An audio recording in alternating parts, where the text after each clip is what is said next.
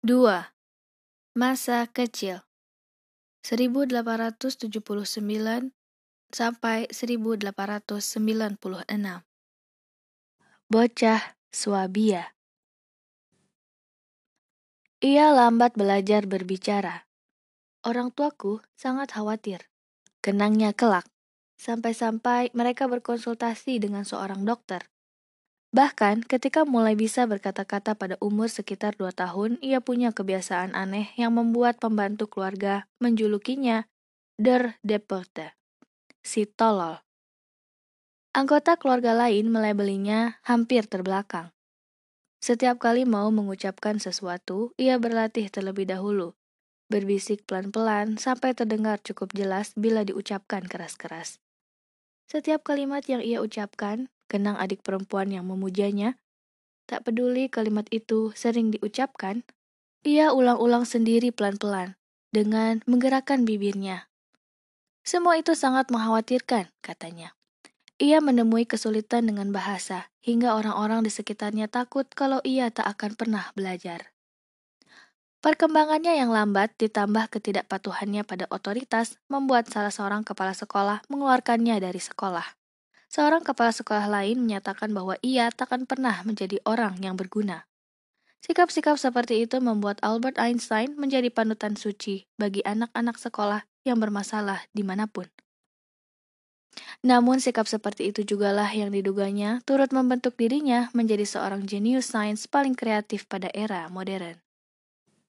Keberanian Einstein menentang otoritas membuatnya mempertanyakan pengetahuan yang sudah diterima luas dengan cara yang tak akan terbayangkan oleh seorang sarjana lulusan universitas.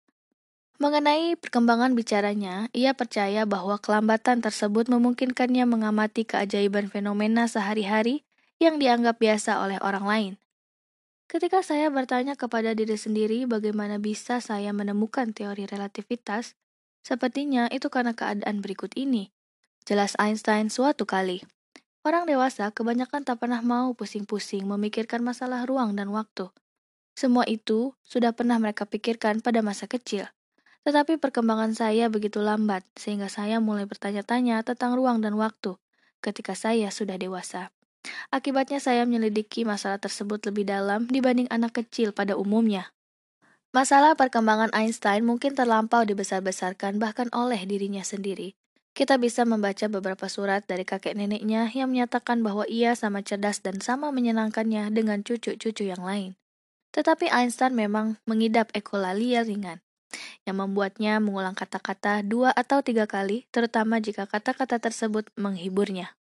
Secara umum, ia memilih berpikir dalam bentuk gambar, terutama dalam eksperimen imajinernya yang terkenal. Contohnya, ia membayangkan melihat kilat dari kereta yang bergerak atau merasakan gaya gravitasi, saat berada di dalam lift yang jatuh. Saya sangat jarang memikirkan sesuatu dalam kata-kata. Ungkapnya kepada seorang psikolog pada kemudian hari. Sebuah gagasan datang dan saya mungkin berusaha mengungkapkannya dengan kata-kata setelahnya. Baik dari pihak ayah maupun dari pihak ibu, Einstein adalah keturunan pedagang dan penjual keliling Yahudi yang sudah lebih dari dua abad hidup sederhana di pedesaan Swabia, Jerman bagian barat laut. Dari generasi ke generasi, mereka semakin membaur ke dalam budaya Jerman yang mereka sukai. Walaupun secara budaya dan kekerabatan mereka adalah orang Yahudi, mereka tampaknya tidak terlalu tertarik pada agama Yahudi dan ritual-ritualnya. Perlahan-lahan, Einstein meniadakan peran leluhur dalam pembentukan dirinya. Penjelajahan leluhurku, katanya kepada temannya suatu hari, tak menuju ke mana-mana. Hal itu tak sepenuhnya benar. Ia beruntung lahir dalam garis keluarga yang berpikiran bebas, cerdas, dan menghargai pendidikan. Kehidupannya jelas dipengaruhi oleh keanggotaannya dalam kelompok religius yang memiliki tradisi intelektual istimewa, serta memiliki riwayat menjadi orang asing dan perantau. Tentu saja fakta bahwa ia adalah seorang Yahudi yang berada di Jerman pada awal abad ke-20 menjadikannya lebih dari sekedar seorang asing dan perantau. Hal tersebut juga menjadi bagian integral dalam dirinya, dan pada peran yang akan ia mainkan dalam sejarah dunia. Ayah Einstein, Hermann, lahir pada 1847 di Buchau, wilayah pedesaan Swabia. Di daerah itu, komunitas Yahudi mulai berkembang dan mendapatkan hak untuk bekerja di bidang apa pun, Herman menunjukkan minat yang mencolok pada matematika, dan keluarganya mampu membiayainya masuk ke sekolah menengah di Stuttgart, 123 km ke utara. Tetapi mereka tak mampu membiayainya untuk meneruskan kuliah di universitas yang saat itu sebagian besar tertutup bagi orang Yahudi. Maka ia pun kembali ke Buchau untuk berdagang. Beberapa tahun kemudian, mengikuti migrasi besar-besaran orang Yahudi Jerman pedesaan ke pusat-pusat industri pada akhir abad ke-19, Herman dan orang tuanya pindah sejauh 56 km ke kota makmur Ulm. Kota tersebut secara profetik sudah menyombongkan diri dengan semboyan mereka. Ulmenses sunt mathematici. Warga Ulm adalah matematikawan. Di Ulm, Herman menjadi mitra di perusahaan kasur bulu salah satu saudara sepupunya. Ia sangat bersahabat, hangat, dan bijak, kenang anaknya. Dengan kelemah lembutan yang menjurus ke kepatuhan, Herman menjadi seorang pebisnis canggung yang tak pernah terampil dalam masalah-masalah keuangan. Tetapi kepatuhan Herman membuatnya pantas menjadi ayah yang penyayang dan suami yang baik bagi seorang perempuan berkemauan kuat. Pada usia 29 tahun, Herman menikahi Pauline Koch yang lebih muda 11 tahun darinya. Ayah Pauline Julius Koch mengumpulkan kekayaan yang cukup besar dengan menjadi pedagang dan pemasok gandum untuk kerajaan Württemberg. Pauline mewarisi sifat praktis ayahnya, tetapi selain itu, ia memiliki sifat keras dengan sorot mata dan tawa yang bisa menginfeksi dan melukai orang lain. Sifat yang ia wariskan kepada anaknya. Dari segala sisi, pasangan Herman dan Pauline adalah pasangan bahagia, dan kepribadian kuat Pauline bertaut dalam harmoni sempurna dengan sifat pasif suaminya. Anak pertama mereka lahir pada pukul 11.30 Jumat 14 Maret 1879 di Ulm.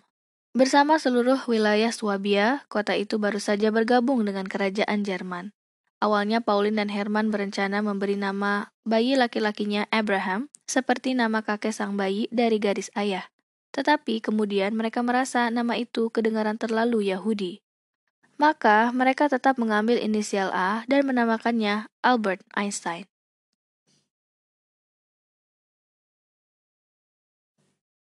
Munich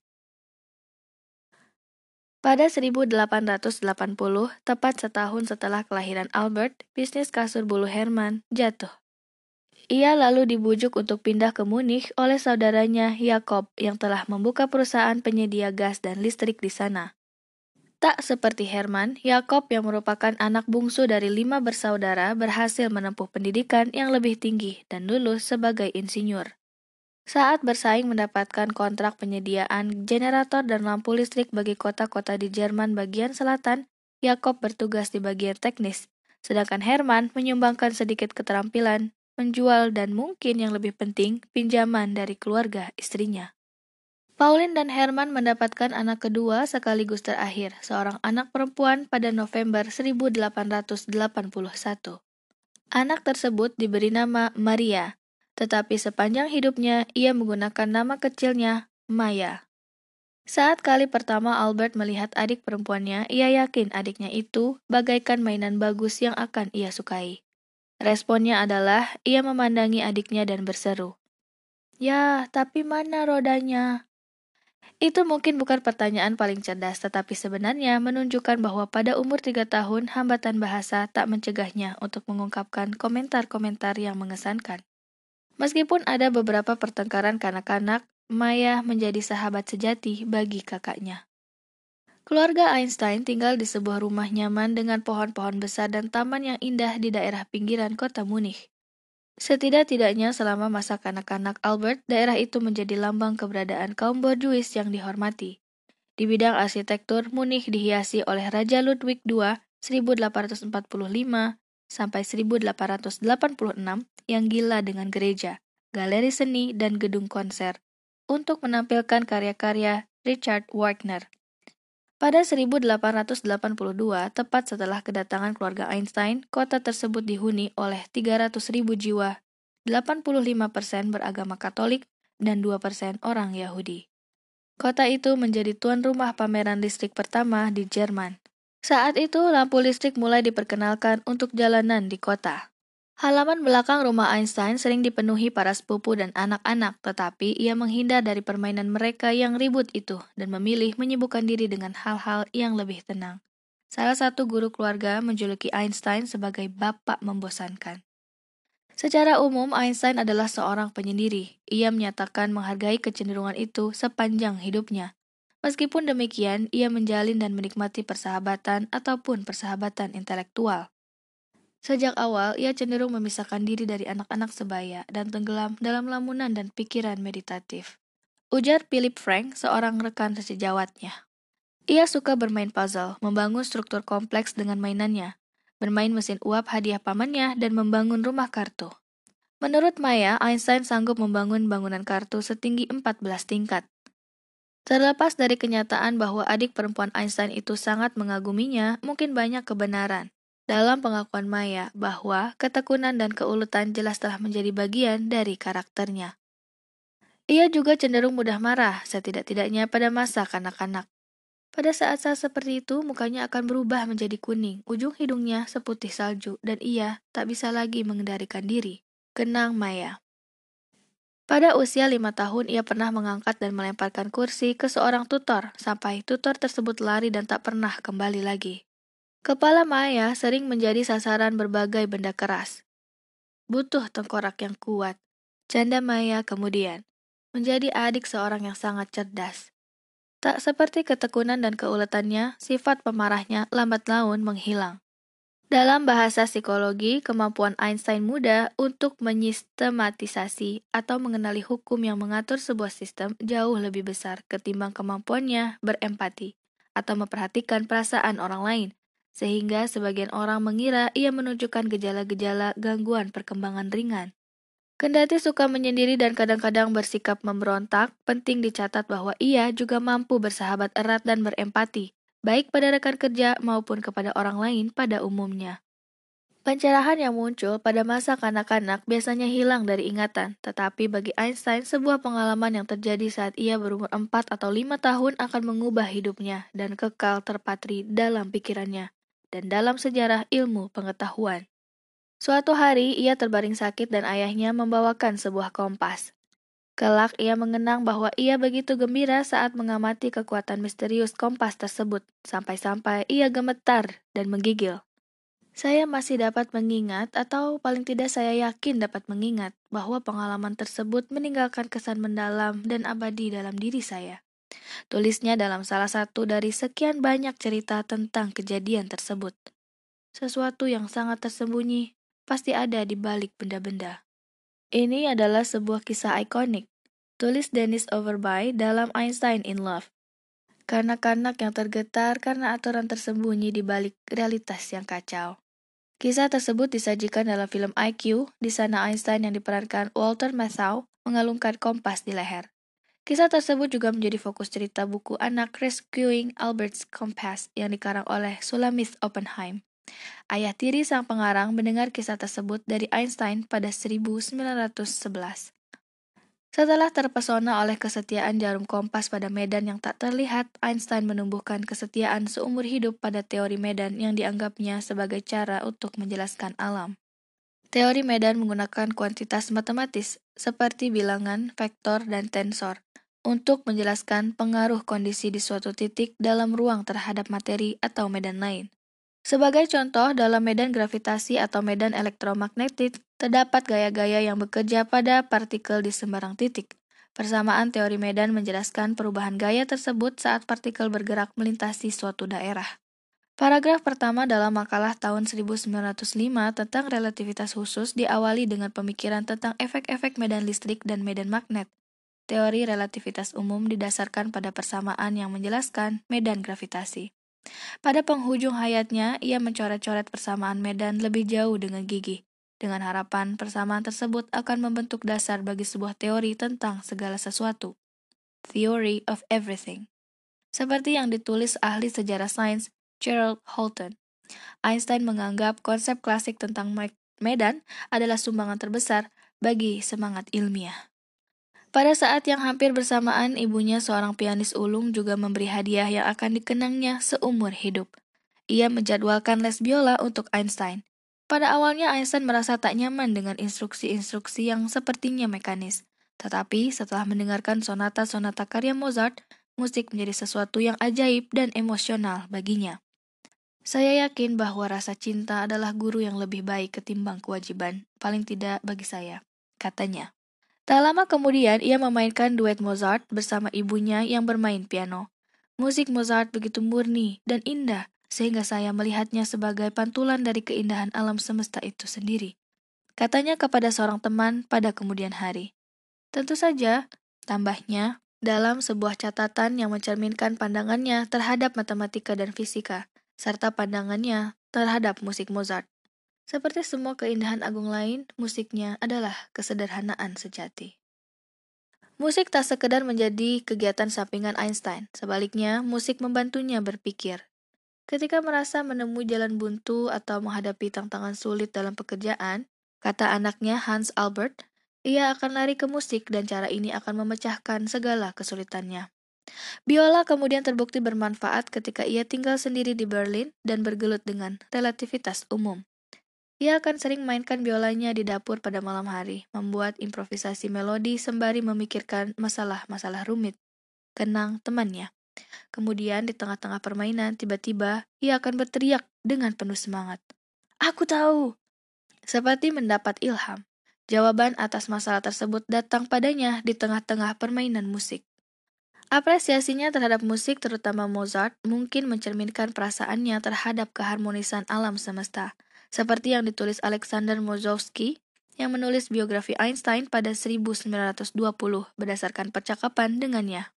Musik, alam, dan Tuhan berbaur dalam dirinya sebagai sebuah perasaan kompleks, sebuah kesatuan moral yang jejaknya tak pernah pudar. Di sepanjang hidupnya, Albert Einstein terus mempertahankan intuisi dan ketakjuban seorang anak kecil. Ia tak pernah kehilangan rasa ingin tahu terhadap keajaiban fenomena alam, medan magnet, gravitasi, inersia, percepatan, cahaya, yang oleh orang dewasa dianggap biasa. Ia menjaga kemampuan untuk memiliki dua gagasan secara bersamaan dalam otaknya, kebingungan saat keduanya bertentangan, dan takjub saat ia bisa mencium sebuah kesatuan yang mendasarinya.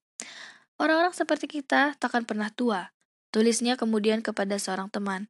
Kita tak pernah berhenti berdiri, seperti anak-anak yang penasaran menghadapi misteri besar tempat kita dilahirkan di dalamnya. Sekolah Bertahun-tahun kemudian, Einstein akan mengisahkan lelucon lama tentang seorang pamannya yang agnostik, satu-satunya anggota keluarga yang pergi ke sinagog. Saat ditanya alasannya, sang paman akan menjawab, Ah, tetapi kau tak pernah tahu. Sebaliknya, orang tua Einstein sama sekali tak religius dan tidak merasa terdorong untuk memelihara keyakinannya. Mereka tak menjaga kosher, kehalalan menurut agama Yahudi atau datang ke sinagog dan ayahnya menganggap ritual Yahudi sebagai tahayul kuno. Akibatnya, saat Albert berumur enam tahun dan harus masuk sekolah, orang tuanya tak ambil pusing bahwa tak ada sekolah Yahudi di sekitar mereka. Ia malah dimasukkan ke Peter School, sekolah katolik besar di dekat rumahnya. Sebagai satu-satunya Yahudi di antara 70 murid di kelas, Einstein mengikuti pelajaran agama Katolik seperti murid lainnya, dan akhirnya sangat menikmati pelajaran tersebut. Ia bahkan mendapat nilai bagus dalam pelajaran Katolik, sampai-sampai ia membantu teman-teman sekelasnya dalam pelajaran itu. Suatu hari gurunya membawa sebuah paku besar ke dalam kelas. Paku yang digunakan untuk menyalip Yesus itu seperti ini bentuknya, kata guru itu. Walaupun demikian, Einstein mengatakan ia tak merasakan diskriminasi dari gurunya. Guru-gurunya liberal dan tak membeda-bedakan siswa berdasar keyakinan, tulisnya. Tetapi teman-teman sekelasnya tak begitu. Di kalangan anak-anak sekolah dasar, antisemitisme adalah hal yang lazim, kenangnya. Akibat selalu diejek setiap berangkat dan pulang sekolah lantaran ciri rasial yang tak dipahami anak-anak, perasaan menjadi orang asing semakin kuat di hatinya, dan perasaan itu tetap melekat sepanjang hidupnya. Serangan fisik dan hinaan ketika pulang sekolah sering terjadi, tetapi kebanyakan tak terlalu kejam. Walaupun demikian, itu sudah cukup untuk menguatkan perasaan menjadi seorang asing, bahkan dalam diri seorang anak kecil. Pada usia 9 tahun, Einstein pindah ke sekolah menengah dekat pusat kota Munich, Luitpold Gymnasium. Sekolah tersebut dikenal sebagai institusi mentereng yang menitik beratkan pelajaran matematika dan sains, selain bahasa Latin dan Yunani. Selain itu, sekolah tersebut juga menyediakan guru agama bagi Albert dan murid Yahudi lain. Kendati orang tuanya sekuler atau mungkin karena itu, secara agak tiba-tiba tumbuh antusiasme yang kuat terhadap Yudaisme dalam diri Einstein. Begitu kuat perasaannya sehingga atas kemauannya sendiri, ia mendalami setiap detail larangan agama Yahudi. Kenang adiknya. Ia tak makan daging babi, mematuhi aturan halal haram, dan mematuhi larangan-larangan hari sabat. Semua itu agak sulit dilakukan karena sebagian besar anggota keluarganya kurang tertarik dan hampir meremehkan hal-hal semacam itu. Ia bahkan mengarang himne sendiri untuk memuji Tuhan, yang dinyanyikannya pada saat pulang sekolah. Ada satu anggapan tentang Einstein yang diyakini secara luas, yaitu bahwa ia tak lulus dalam ujian matematika, dibarengi dengan kalimat, seperti yang diketahui semua orang, Anggapan itu sering dicantumkan dalam buku-buku dan ribuan situs web yang dirancang untuk meningkatkan kepercayaan diri murid-murid yang kurang berprestasi. Anggapan itu bahkan pernah dimuat dalam kolom surat kabar Ripley's Believe It or Not yang terkenal itu. Sayangnya, meskipun masa kecil Einstein memang memberikan banyak ironi sedap bagi sejarah, itu bukanlah salah satunya. Pada 1935, seorang rabi di Princeton menunjukkan clipping kolom Ripley's Believe It or Not dengan kepala berita ahli matematika terbesar masa kini gagal dalam matematika. Einstein tertawa.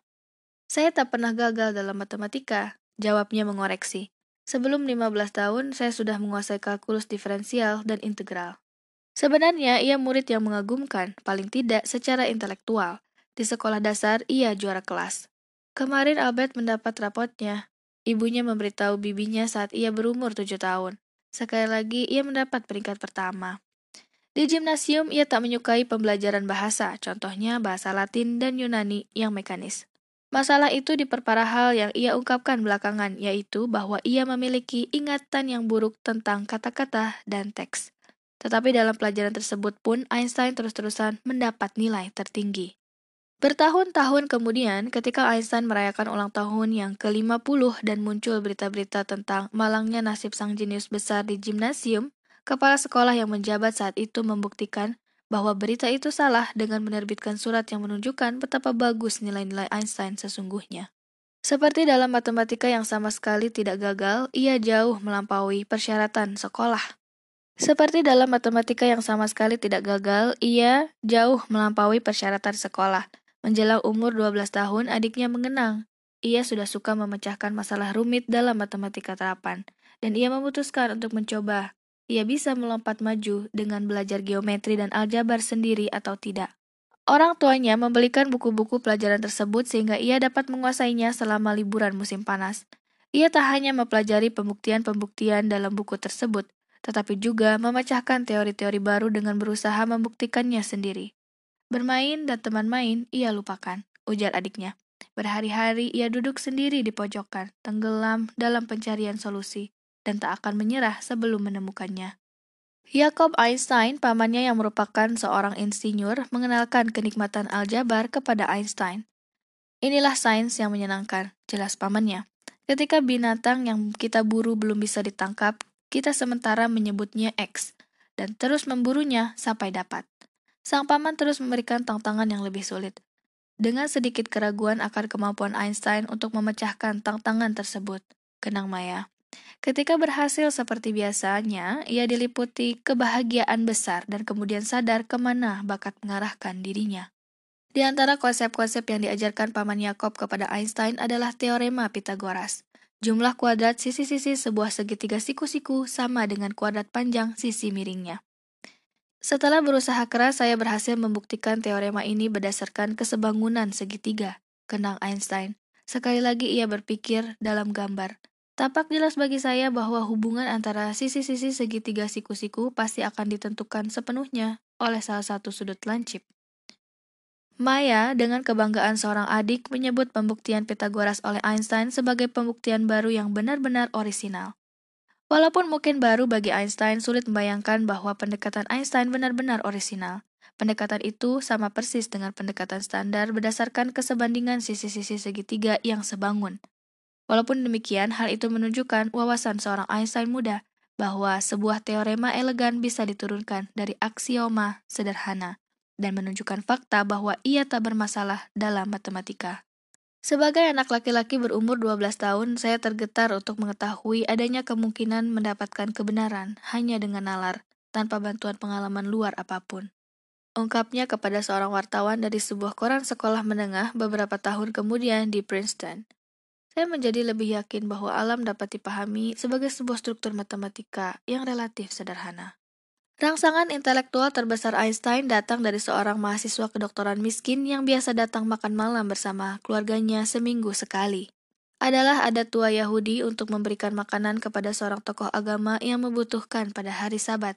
Keluarga Einstein memodifikasi tradisi itu dengan menjamu seorang mahasiswa kedokteran pada Kamis. Nama mahasiswa itu Max Talmud kemudian diubah menjadi Talmy saat berimigrasi ke Amerika Serikat, dan mulai berkunjung setiap minggu saat ia berumur 21 tahun, dan Einstein 10 tahun. Ia bocah berambut gelap yang tampan, kenang Talmud. Pada tahun-tahun tersebut saya tak pernah melihatnya membaca satupun bacaan ringan. Saya juga tak pernah melihatnya bersama-sama dengan teman sekolah atau teman sebaya. Talmud membawakan buku sains, termasuk seri populer bergambar berjudul People's Books on Natural Science, sebuah karya yang saya baca dengan perhatian penuh sambil menahan napas. Ujar Einstein. 21 volume kecil buku yang ditulis oleh Aaron Bernstein itu menekankan hubungan antara biologi dan fisika. Buku tersebut juga memaparkan sejumlah besar perincian percobaan-percobaan ilmiah yang dilakukan saat itu, terutama di Jerman. Di bagian pembukaan volume pertama, Bernstein mengulas kecepatan cahaya, sebuah topik yang ternyata memesona Einstein. Berulang-ulang, Bernstein membahas tentang cahaya di volume-volume selanjutnya, termasuk 11 esai tentang topik tersebut di volume ke-8. Bila melihat eksperimen imajiner yang kelak digunakan Einstein untuk menyusun teori relativitas, tampaknya buku-buku Bernstein telah memengaruhinya. Sebagai contoh, Bernstein meminta pembaca membayangkan diri berada dalam kereta yang melaju. Jika sebuah peluru ditembakkan menembus jendela, akan terlihat seolah peluru ditembakkan dengan sudut tertentu, karena kereta akan bergerak pada selang waktu peluru masuk ke satu jendela dan keluar di jendela sisi yang lain. Hal yang sama pasti juga terjadi pada cahaya yang melintasi sebuah teleskop karena kecepatan bumi melintasi ruang angkasa. Yang menakjubkan kata Bernstein, percobaan-percobaan menunjukkan efek yang sama, tak peduli seberapa cepat sumber cahaya bergerak. Dalam sebuah kalimat yang karena hubungannya dengan kesimpulan Einstein kelak sepertinya menciptakan sebuah kesan, Bernstein menyatakan, karena setiap jenis cahaya terbukti memiliki kecepatan yang sama persis, maka hukum kecepatan cahaya dapat disebut sebagai hukum alam yang paling umum. Di volume lain, Bernstein membawa pembaca mudanya menempuh sebuah perjalanan hayalan melintasi ruang angkasa. Di volume lain, Bernstein membawa pembaca mudanya menempuh sebuah perjalanan hayalan melintasi ruang angkasa. Alat transportasinya berupa gelombang sinyal listrik. Buku-buku Bernstein merayakan keajaiban penyelidikan sains dan penuh berisi kutipan-kutipan riang. Salah satunya saat ia menulis tentang keberhasilan para ilmuwan memperkirakan lokasi planet Uranus. Terpujilah sains, terpujilah orang yang melakukannya, terpujilah pikiran manusia yang melihat lebih tajam daripada mata. Seperti Einstein kelak, Bernstein ingin menyatukan seluruh gaya di alam semesta. Sebagai contoh, setelah membahas bahwa semua fenomena elektromagnetik seperti cahaya dapat dianggap sebagai gelombang, ia berspekulasi bahwa hal yang sama mungkin juga berlaku pada gravitasi. Menurut Bernstein, kesatuan dan kesederhanaan mendasari seluruh konsep yang sesuai dengan persepsi kita. Kebenaran dalam sains adalah menemukan teori-teori yang menggambarkan realitas dasar ini. Pada kemudian hari, Einstein mengingat ilham dan sikap realis yang tertanam dalam dirinya saat masih bocah. Di luar sana ada dunia yang besar, yang keberadaannya tak tergantung pada manusia, dan terpampang di hadapan kita bagaikan teka-teki besar yang abadi. Bertahun-tahun kemudian, Einstein dan Talmud bertemu lagi di New York dalam kunjungan pertama Einstein ke kota tersebut. Talmud menanyakan pendapat Einstein saat mengingat kembali karya Bernstein. Buku yang sangat bagus, katanya. Buku itu telah memberikan pengaruh besar pada seluruh perkembangan saya. Talmud juga membantu Einstein melanjutkan penjelajahan akan keajaiban matematika dengan memberikan buku pelajaran geometri dua tahun sebelum topik tersebut dipelajari di sekolah. Pada kemudian hari, Einstein akan menyebut buku tersebut sebagai buku geometri kecil yang suci dan mengatakannya dengan hormat. Ada penegasan seperti contohnya perpotongan tiga garis tinggi sebuah segitiga di satu titik, yang walaupun tidak ada bukti kuat dapat dibuktikan dengan kepastian yang tak bisa diragukan sama sekali. Kegamblangan dan kepastian itu menciptakan kesan yang tak terlukiskan dalam diri saya. Bertahun-tahun kemudian, dalam sebuah kuliah di Oxford, Einstein menyatakan, jika Euclid tak mampu memicu antusiasme kanak-kanak kalian, maka kalian tak berbakat sebagai pemikir ilmiah. Saat Talmud datang pada Kamis, dengan gembira Einstein menunjukkan masalah-masalah yang telah ia pecahkan minggu itu. Awalnya Talmud mampu membantunya, tetapi dengan cepat ia disalib muridnya itu. Dalam waktu singkat, dalam beberapa bulan, ia telah mengerjakan semua yang ada di buku, kenang Talmud.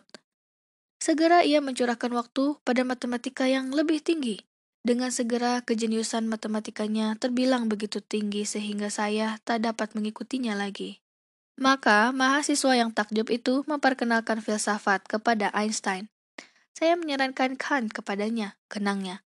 Tapi meskipun masih kanak-kanak berumur 13 tahun, karya-karya Kant yang suka dipahami orang-orang awam tampak gamblang baginya. Untuk sementara, Kant menjadi filsuf favorit Einstein, dan buku Critic of Pure Reason akhirnya membawanya menggali lebih jauh karya David Hume, Ernst Mach, dan segala macana tentang realitas. Pengenalan Einstein akan sains menimbulkan reaksi mendadak terhadap agama ketika ia berusia 12 tahun tepat sebelum ia bersiap melalui bar mitzvah. Dalam seri sains populernya, Bernstein berusaha mendamaikan sains dengan kecenderungan religius, seperti yang ia tuliskan. Kecenderungan religius terletak pada kesadaran samar-samar dalam diri manusia bahwa seluruh bagian alam termasuk manusia bukanlah permainan yang kebetulan terjadi, tetapi merupakan karya yang penuh keteraturan, dan bahwa ada penyebab fundamental dari segala eksistensi. Kelak Einstein akan sampai pada keyakinan seperti itu, tetapi pelariannya dari keimanan saat itu adalah sebuah pelarian radikal. Setelah membaca buku sains populer, segera saya sampai pada keyakinan bahwa sebagian besar kisah-kisah dalam kitab suci itu tidak benar. Konsekuensinya adalah pesta liar pemikiran bebas fanatik yang ekstrim bercampur dengan anggapan bahwa anak-anak muda sedang dikelabui secara sengaja oleh negara lewat kebohongan. Ini adalah anggapan yang menghancurkan. Akibatnya, Einstein menghindari ritual-ritual keagamaan sampai akhir hayatnya. Bangkitlah keengganan Einstein pada praktek-praktek ortodoks Yahudi ataupun agama tradisional lain. Demikian juga keengganannya hadir dalam layanan-layanan keagamaan. Dan sikap ini tak pernah hilang. Kenang temannya, Philip Frank kemudian. Tetapi Einstein tetap mempertahankan fase religius kanak-kanaknya, sebuah rasa hormat mendalam atas keselarasan dan keindahan terhadap hal yang ia sebut sebagai pikiran Tuhan, seperti yang terungkap dalam penciptaan alam semesta dan hukum-hukumnya.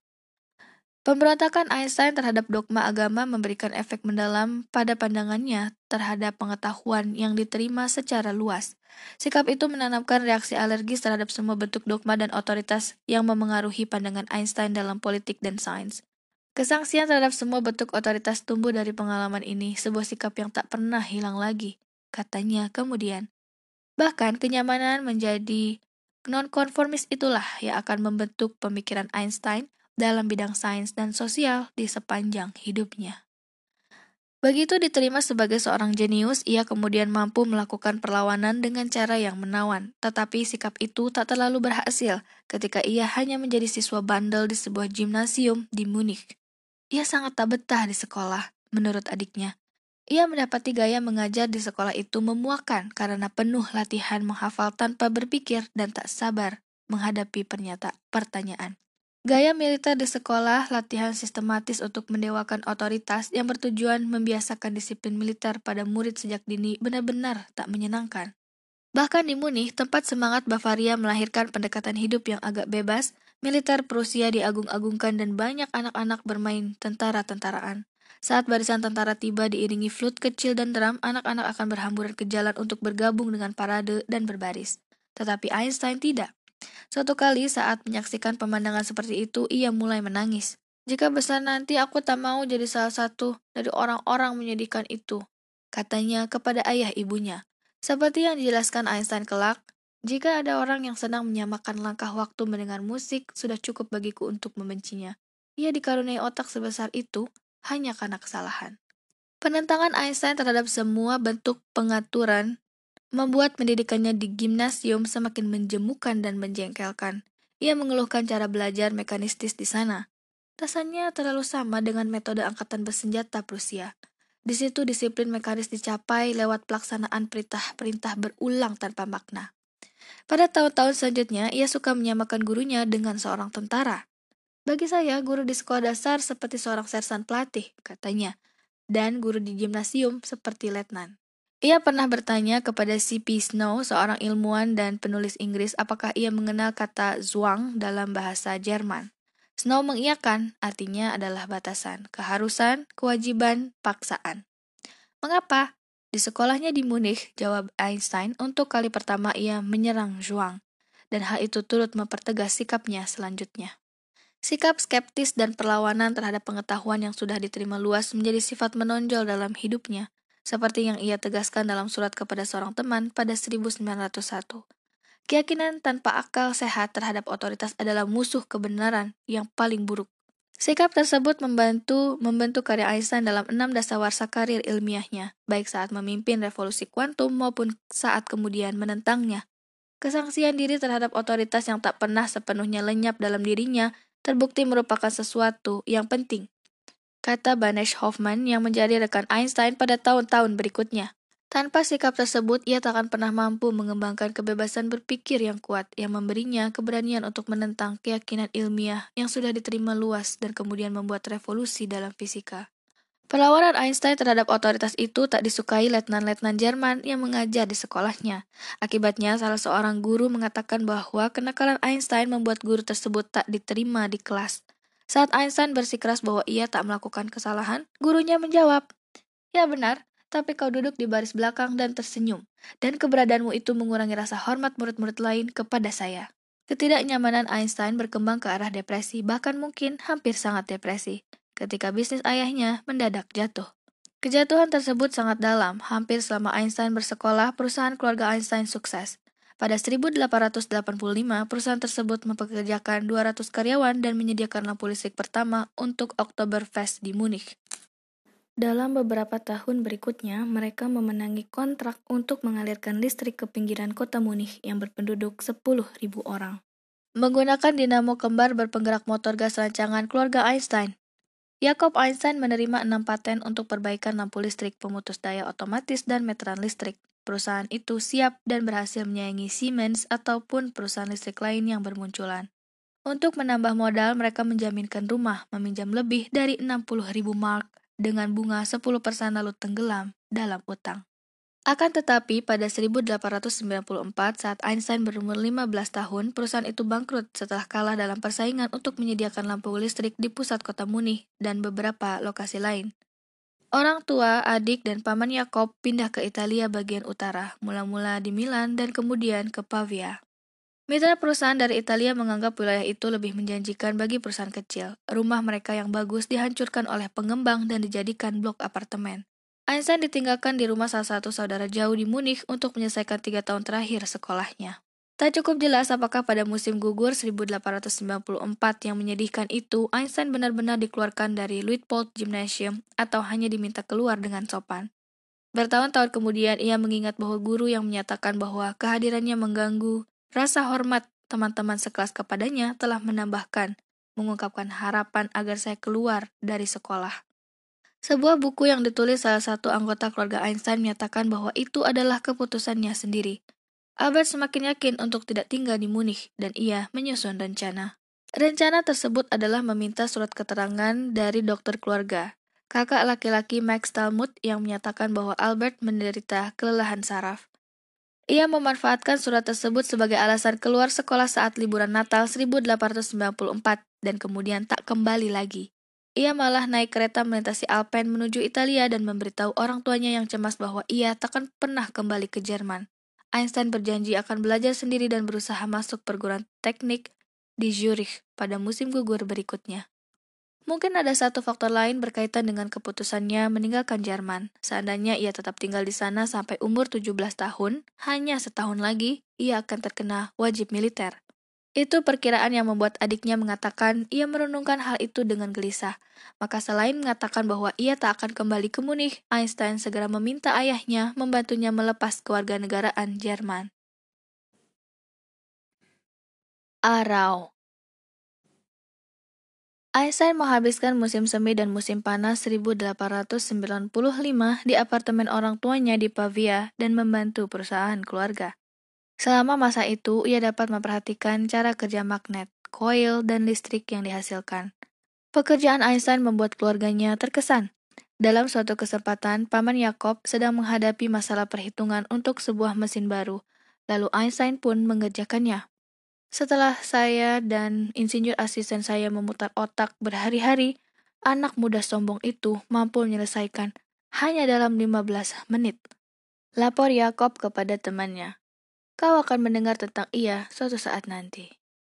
Berhari-hari Einstein mendaki menjelajah pegunungan Alpen dan Apennines karena kesukaannya pada tempat sunyi dan indah di pegunungan. Ia juga berpesiar dari Pavia ke Genoa untuk menemui saudara ibunya, Julius Koch. Ke mana pun ia bepergian di Italia bagian utara, ia kagum dengan sopan santun dan kehalusan masyarakatnya. Sikap mereka yang alami sangat kontras dengan manusia otomatis yang rusak secara spiritual dan patuh secara mekanis di Jerman. Kenang adiknya. Einstein telah berjanji kepada keluarganya bahwa ia akan belajar sendiri agar bisa masuk ke perguruan tinggi teknik setempat, Politeknik Zurich. Maka, ia membeli tiga volume buku teks fisika lanjut dari Jules Viol dan dengan deras mencatat gagasannya di pinggir halaman buku. Kebiasaan kerjanya menunjukkan kemampuannya berkonsentrasi, kenang adiknya. Bahkan di tengah sekumpulan orang banyak yang sangat berisik, ia dapat mendudukkan diri di sofa, mengambil pena dan kertas, meletakkan tempat tinta begitu saja di lengan sofa, dan menenggelamkan diri pada sebuah persoalan, sehingga percakapan dari banyak suara itu malah merangsangnya, bukan mengganggunya. Musim panas itu pada umur 16 tahun, ia menulis esai pertamanya di bidang fisika teoretis yang ia beri judul on the investigation of the state of the ether in the magnetic field. Topik tersebut penting karena gagasan tentang ether akan memainkan peran penting dalam karir Einstein. Saat itu para ilmuwan yakin bahwa cahaya adalah gelombang dan mereka beranggapan bahwa alam semesta pasti berisi sejenis zat tak terlihat yang memenuhi seluruh ruang. Zat tersebut menghasilkan riak dan kemudian menyebarkan gelombang seperti halnya air sebagai medium beriak yang menyebarkan gelombang di lautan. Mereka menyebut zat itu sebagai ether, dan Einstein, paling tidak saat itu, menyusun esai berdasarkan anggapan tersebut. Seperti yang ia tuliskan dalam esainya, arus listrik membuat ether di sekitarnya melakukan gerakan sesaat. Makalah sepanjang 14 paragraf yang ditulis tangan itu menggemakan buku teks Viol dan beberapa laporan dalam majalah sains populer tentang penemuan terbaru Heinrich Hertz, yakni gelombang elektromagnetik. Dalam makalahnya, Einstein mengajukan saran tentang eksperimen yang dapat menjelaskan medan magnet yang terbentuk di sekeliling arus listrik. Ia berpendapat percobaan ini akan menarik karena penyelidikan tentang keadaan ether yang elastis dalam kasus ini akan memungkinkan kita mengamati sifat arus listrik yang membingungkan. Jebolan sekolah menengah ini dengan jujur mengakui bahwa ia hanya membuat beberapa usulan tanpa tahu arahnya. Sebab saya benar-benar kekurangan bahan yang memungkinkan saya mendalami topik tersebut dan bukan sekedar merenungkannya. Saya harap Anda tidak menafsirkan keadaan ini sebagai tanda kedangkalan berpikir, tulisnya. Ia mengirimkan makalah itu kepada pamannya, Cesar Koch, seorang pedagang di Belgia yang merupakan salah satu saudara favoritnya dan sesekali menjadi penyelamatnya di bidang keuangan. Makalah itu agak naif dan tak sempurna, seperti yang biasa ditulis anak muda seperti saya. Aku Einstein berpura-pura rendah hati. Ia menambahkan bahwa tujuannya adalah mendaftar ke Politeknik Zurich pada musim gugur berikutnya. Tetapi ia khawatir karena ia lebih muda daripada umur yang disyaratkan. Saya setidak-tidaknya harus dua tahun lebih tua. Demi membantu mengatasi masalah umur, seorang sahabat keluarga Einstein menulis surat kepada Direktur Politeknik Zurich untuk memohon pengecualian. Isi surat itu terbaca dari jawaban direktur politeknik tersebut yang mengungkapkan kesangsiannya menerima murid yang dijuluki anak ajaib tersebut. Walaupun demikian, Einstein mendapat kesempatan mengikuti ujian masuk. Ia naik kereta ke Zurich pada Oktober 1895 dengan perasaan was-was yang cukup beralasan. Ia lulus ujian bagian matematika dan sains dengan mudah, tetapi ia gagal di bagian umum yang meliputi sastra, bahasa Prancis, zoologi, botani, dan politik. Heinrich Weber, profesor fisika kepala di Politeknik Zurich, menyarankan agar Einstein tinggal di Zurich dan mengikuti kuliah-kuliahnya. Atas nasihat Direktur Politeknik Zurich, Einstein justru memilih menghabiskan satu tahun lagi untuk mempersiapkan diri di sebuah sekolah daerah di desa Arau, 40 km di sebelah barat Zurich. Sekolah itu merupakan sekolah yang tepat bagi Einstein. Pengajaran di sekolah tersebut didasari oleh filosofi seorang reformis pendidikan Swiss awal abad ke-19, Johann Heinrich Pestalozzi. Ia percaya bahwa murid harus didorong untuk memvisualisasikan gambar, ia juga menganggap penting pembinaan martabat batiniah dan individualitas setiap anak. Murid harus dibiarkan mencapai kesimpulannya sendiri dengan memanfaatkan serangkaian langkah yang dimulai dari observasi langsung dan kemudian dilanjutkan intuisi, pemikiran konseptual, dan penggambaran visual. Cara tersebut bahkan bisa digunakan untuk belajar dan memahami sepenuhnya hukum-hukum matematika dan fisika. Hafalan, latihan, mengingat, dan pencekokan fakta-fakta adalah sesuatu yang dihindari. Einstein mencintai Arau. Murid-murid diperlakukan secara pribadi, kenang adiknya. Titik berat lebih banyak diberikan pada pemikiran mereka sendiri ketimbang pendapat ahli dan anak-anak muda memandang guru bukan sebagai pemegang otoritas, melainkan sejajar dengan murid, seorang dengan kepribadian yang berbeda.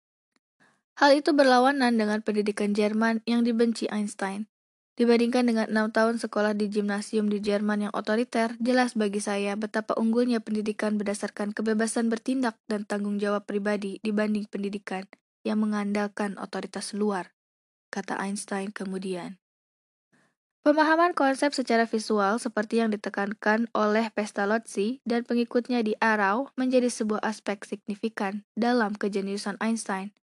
Pemahaman visual adalah hal terpenting dan merupakan satu-satunya cara untuk mengajarkan cara menilai sesuatu dengan benar. Tulis Pestalozzi. Dan pengetahuan tentang bilangan dan bahasa harus dinomorduakan. Tak mengejutkan, di sekolah inilah Einstein kali pertama menggunakan eksperimen imajiner dalam bentuk visualisasi yang akan membantunya menjadi jenius ilmiah terbesar pada masanya. Ia berusaha menggambarkan rasanya melaju berbarengan dengan seberkas cahaya. Di Arau, saya melakukan percobaan dalam pikiran saya yang pertama dan agak kekanak-kanakan yang berhubungan langsung dengan teori relativitas khusus. Ceritanya kepada seorang teman kemudian. Jika seseorang dapat berlari mengejar sebuah gelombang cahaya dengan kecepatan yang sama dengan cahaya, Anda akan mendapatkan sebuah susunan gelombang yang benar-benar tak tergantung pada waktu. Tentu saja hal itu mustahil. Jenis eksperimen imajiner Gedanken eksperimen Visual semacam ini menjadi penanda karir Einstein. Selama bertahun-tahun, ia akan menggambarkan dalam pikiran hal-hal seperti sambaran kilat dan kereta bergerak, lift yang melaju dan pelukis jatuh, kumbang dua dimensi, buta yang merayap di cabang melengkung, dan aneka peralatan aneh yang dirancang untuk menentukan dengan tepat, paling tidak secara teori, lokasi dan kecepatan elektron yang dipercepat. Saat bersekolah di Arau, Einstein tinggal dengan keluarga yang mengagumkan, yakni keluarga Winteler. Anggota-anggota keluarga tersebut akan tetap terkait dengan Einstein lama setelah ia meninggalkan keluarga itu. Saat bersekolah di Arau, Einstein tinggal dengan keluarga yang mengagumkan, yakni keluarga Winteler. Anggota-anggota keluarga tersebut akan tetap terkait dengan Einstein lama setelah ia meninggalkan keluarga itu. Mereka adalah Josh Winteler yang mengajar sejarah dan bahasa Yunani di sebuah sekolah. Istrinya Rosa yang kemudian dikenal Einstein sebagai Mama atau Mama. Ketujuh anaknya, Mary, anak perempuan mereka, akan menjadi pacar pertama Einstein. Anak perempuan yang lain, Anna, akan menikahi teman baik Einstein, Michel Besso. Dan anak lelaki keluarga itu, Paul, akan menikahi adik tersayang Einstein, Maya.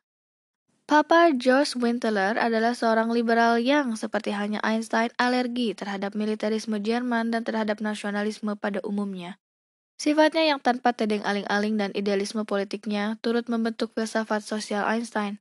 Seperti mentornya itu, Einstein akan menjadi pendukung federalisme dunia, internasionalisme, pasifisme, dan sosialisme demokratis, dengan penghormatan besar pada kebebasan individual dan kebebasan berbicara. Lebih penting dari itu, dalam kehangatan penerimaan keluarga Winteler, Einstein menjadi lebih tenang dan mampu membawa diri. Walaupun masih senang menyendiri, keluarga Winteler membantu Einstein tumbuh secara emosional dan membuka diri terhadap kedekatan. Selera humornya tinggi dan kadang-kadang dapat tertawa terbahak-bahak. Kenang Anna. Pada malam hari kadang ia belajar, tetapi ia akan lebih sering duduk bersama-sama keluarga mengelilingi meja. Einstein tumbuh menjadi remaja yang menarik, seperti kata seorang perempuan yang mengenalnya. Einstein memiliki penampilan maskulin menawan yang menyebabkan kehebohan di pergantian abad itu.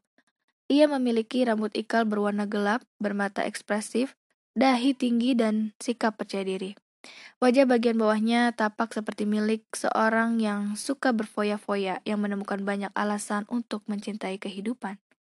Salah satu teman sekolahnya, Hans Belan, kemudian menuliskan deskripsi luar biasa tentang bocah Swabia kurang ajar yang meninggalkan kesan tak terlupakan semacam itu. Percaya diri, memakai topi wol abu-abu yang ditarik ke belakang, menutupi rambut hitamnya yang tebal, ia berjalan cepat dengan energik. Naik turun dengan tempo cepat bersama kegelisahan yang membawa seluruh dunia di dalamnya. Tak ada yang lepas dari tatapan tajam mata coklat cerah yang besar itu. Siapa pun yang mendekatinya akan terjerat oleh kepribadiannya yang superior. Mulut tebal yang melengkung dengan bibir bawah mencuat, mencuatkan hati orang lain yang ingin bersahabat dengannya. Yang paling khas tambah Boylan, Einstein muda memiliki pemikiran yang lancang dan terkadang mengintimidasi. Ia melawan semangat dunia bak seorang filsuf yang tertawa dan sarkasme kata-katanya tanpa ampun, mengeritik semua kesombongan dan kepalsuan. Einstein jatuh cinta kepada Mary Winteler pada penghujung 1895 hanya beberapa bulan setelah tinggal di rumahnya. Mary baru saja lulus dari sekolah guru dan tinggal di rumah sembari menunggu pekerjaan di desa terdekat. Mary baru saja menginjak umur 18 tahun. Einstein masih 16 tahun. Kisah cinta itu menggetarkan kedua keluarga. Albert dan Mary mengirim kartu ucapan tahun baru kepada ibu Einstein. Ia membalasnya dengan hangat.